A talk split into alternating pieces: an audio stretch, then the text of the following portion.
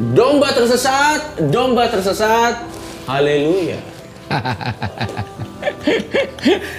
ya, seperti yang kalian semua lihat di sini ada Coki Pardede dan di sebelah kiri saya ada uh, Bang Yeri Patirasarani. Shalom, shalom, Shalom, shalom.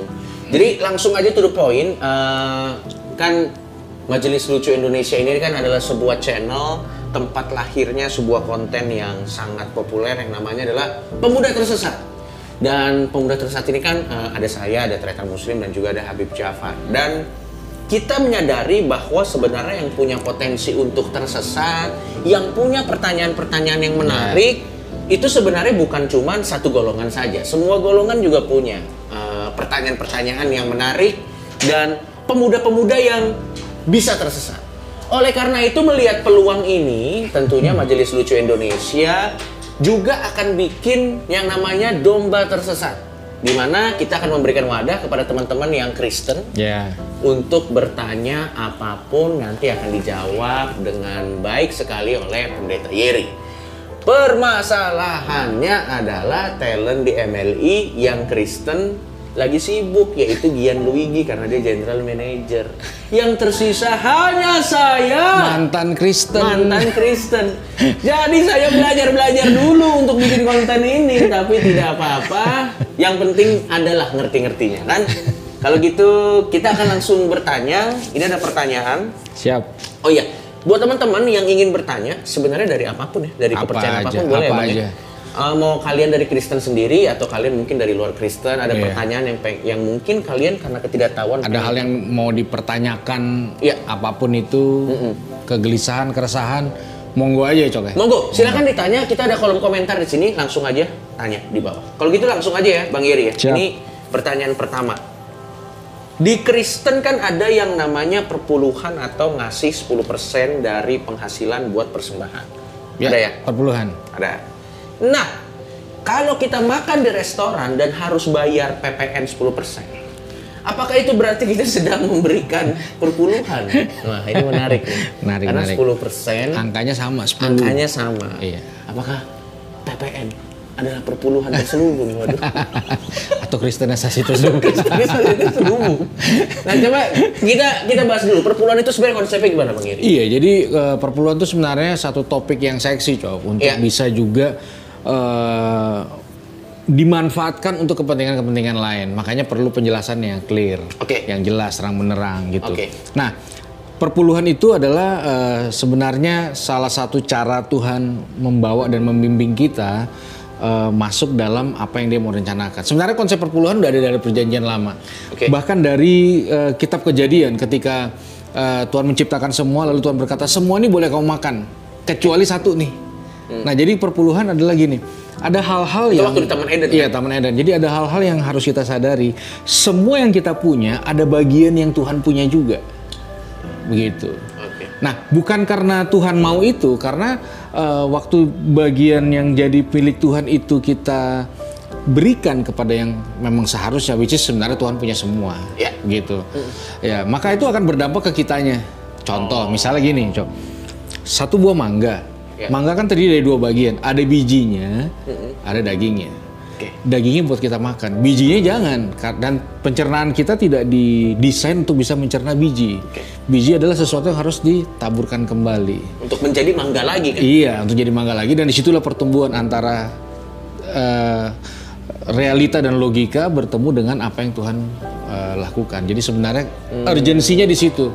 Iya. Perpuluhan adalah semangat untuk menyadarkan kita bahwa ada bagian dari seluruh hidup kita uang nggak nggak selalu bicara soal uang ya Iya. bisa waktu bisa talenta bisa apa pun bahwa kita nggak jangan kita habiskan untuk diri kita sendiri ada yang bagian juga kita berikan untuk kepentingan Tuhan Berarti ini sebenarnya esensinya adalah eh, iya ada bagian-bagian yang untuk diri kita, ada bagian yang untuk Tuhan. Betul. Kurang lebih seperti itu. Iya. Nah, kalau begitu, kalau balik lagi ke perpuluhan secara konteks nih misalnya, Iya. atau secara real mungkin, kita bayar perpuluhan, bayar pajak dulu atau bayar perpuluhan dulu, bang? Nah ini menarik nih. menarik menarik. Gimana, bang? Nah, pajak itu kan sesuatu yang wajib. Yesus ajarkan, Ya. ya kan, apa yang menjadi hak kaisar waktu itu Hmm. itu udah.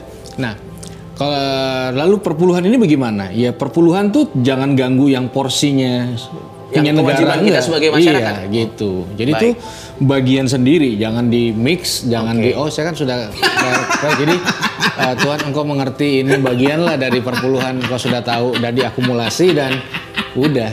Tidak begitu iya, sistemnya. nggak nggak begitu sistemnya. Oke, baik. Jadi berarti sebenarnya kalau bayar pajak itu mah kewajiban kita kepada negara ya. Iya, kewajiban kita. Ya sebagai ya orang yang punya KTP, ya Iya. kita memang harus bayar pajak. Dan negara memang itu wakil Tuhan. Kalau kita lihat di Oh. Roma 13 bilang gitu. Pemerintah itu datangnya wakilnya Tuhan. Jadi ada bagiannya memang kita mesti bayar. Betul. Gitu. Jadi kalau Anda bayar perpuluhan tidak bayar pajak, mohon maaf gereja tidak bisa melindungi Anda dari Ibu Sri Mulyani Iya.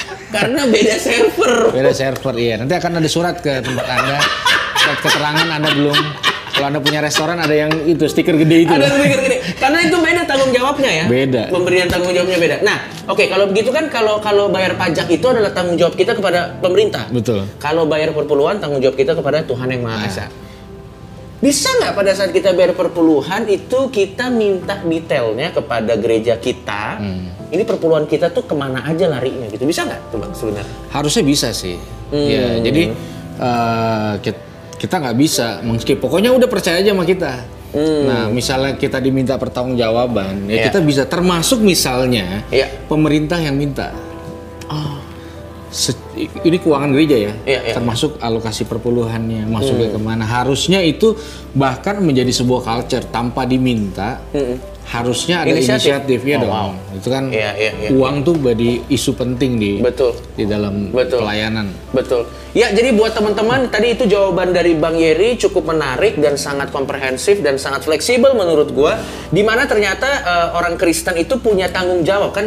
gue lupa ayatnya di mana hak kepada kaisar berikan kepada kaisar, Iya. kepada Tuhan berikan kepada Tuhan. Iya. Jadi itulah kita harus bayar pajak juga, kita harus bayar juga kepada Tuhan. Iya. Makanya orang Kristen harus kaya. Kalau tidak, penghasilan Anda habis dipotong. ya nggak itu jokes doang. 10 10. 10 10. Anda tinggal 80. Belum lagi yang lain-lain, ya nggak? Oke, kalau gitu pertanyaan selanjutnya, Bang Oke. Heri. Yang kedua, bisa nggak baptis tayamum? Tayamum itu eh, istilahnya kalau di agama Islam itu Habib Jafar menceritakan bahwa kalau kalau ingin berwudu tapi tidak ada air bisa menggunakan eh, pasir atau debu. Alternatif. Alternatif. Oh, iya, iya, iya. Bisa nggak baptis tayamum buat daerah-daerah yang sulit air? Mungkin pertanyaan seriusnya adalah apakah dibaptis itu harus pakai air? Iya. Kalau ada kondisi-kondisi tertentu yang sulit air, Iya, makanya kan semua pertanyaan ini biar nggak tersesat harus kembali pada esensinya. Hmm. Nah, baptisan itu kan sebenarnya lambang pertobatan. Ketika seorang ingin bertobat lalu mengambil satu langkah itu baptisan. Oke. Nah, intinya tuh di situ. Nah, nah, bagaimana kalau misalnya dia sudah bertobat lalu mengambil langkah baptis tapi tidak memungkinkan kondisi air dan sebagainya? Tidak ada misalnya. Tidak ada ya, ya. ya. Misalnya kayak gini. Ini contoh eh, pengalaman nih, Cok. Pernah terjadi Pernah terjadi. Oke. Kejadiannya di China. Iya. Orang yang sakit parah Iya. terus bertobat, terus mau dibaptis. Iya. Nah, which is kalau dia dibawa ke kolam, ya mati lah pasti. ya kan? Karena si ke- keadaan Keadaan kesehatannya tidak kesehatannya tidak memungkinkan. Dibawa aja nggak memungkinkan, Oke, apalagi baik. di di, Nah, di- dicelupkan. dicelupin ya. Iya. Jadi waktu itu solusi yang dilakukan adalah eh, handuk dibasahin, Ya. lalu dibasuh ke seluruh tubuhnya. Hmm. Teknis seperti itu nggak ada di Alkitab, tapi esensinya akan didapatkan. Jadi sebenarnya nggak ada masalah. Hmm. Ya. Menyesuaikan dengan kondisi-kondisi yang yang sedang terjadi Hmm. di saat itu juga. Kalau nggak ada air ya, ya pakai media yang lain aja. Yang penting esensinya dapat. Betul. Karena Gitu. masa sih keinginan bertobat Anda dihalangi oleh PDAM? kan tidak mungkin ya harusnya Iya, ya. which is kan kadang suka ada giliran mati di pas giliran kena gereja. Betul. Akhirnya Maksudnya mati. Karena harusnya keinginan untuk bertobat atau ketulusan kita tuh lebih besar daripada masalah teknis ya. Iya. Jadi poinnya di situ berarti. Poinnya di situ. Ah, ini pertanyaan lagi nih soal baptisan. Bisa nggak orang dibaptis dua kali? Contoh, Iya. misalnya satu fase dalam hidupnya dia dibaptis Iya. karena dia percaya akan Yesus. Iya. Setelah itu dia jatuh, melakukan apa yang buruk. Iya. Dia berkelana lah, jadi domba yang hilang.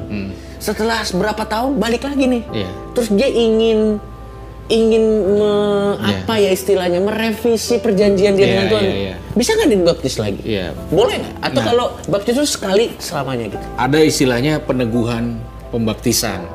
gitu kan. Kalau orang misalnya ziarah ke Israel di Sungai Yordan itu ada layanan peneguhan dan berbayar dasar memang Yahudi berbayar.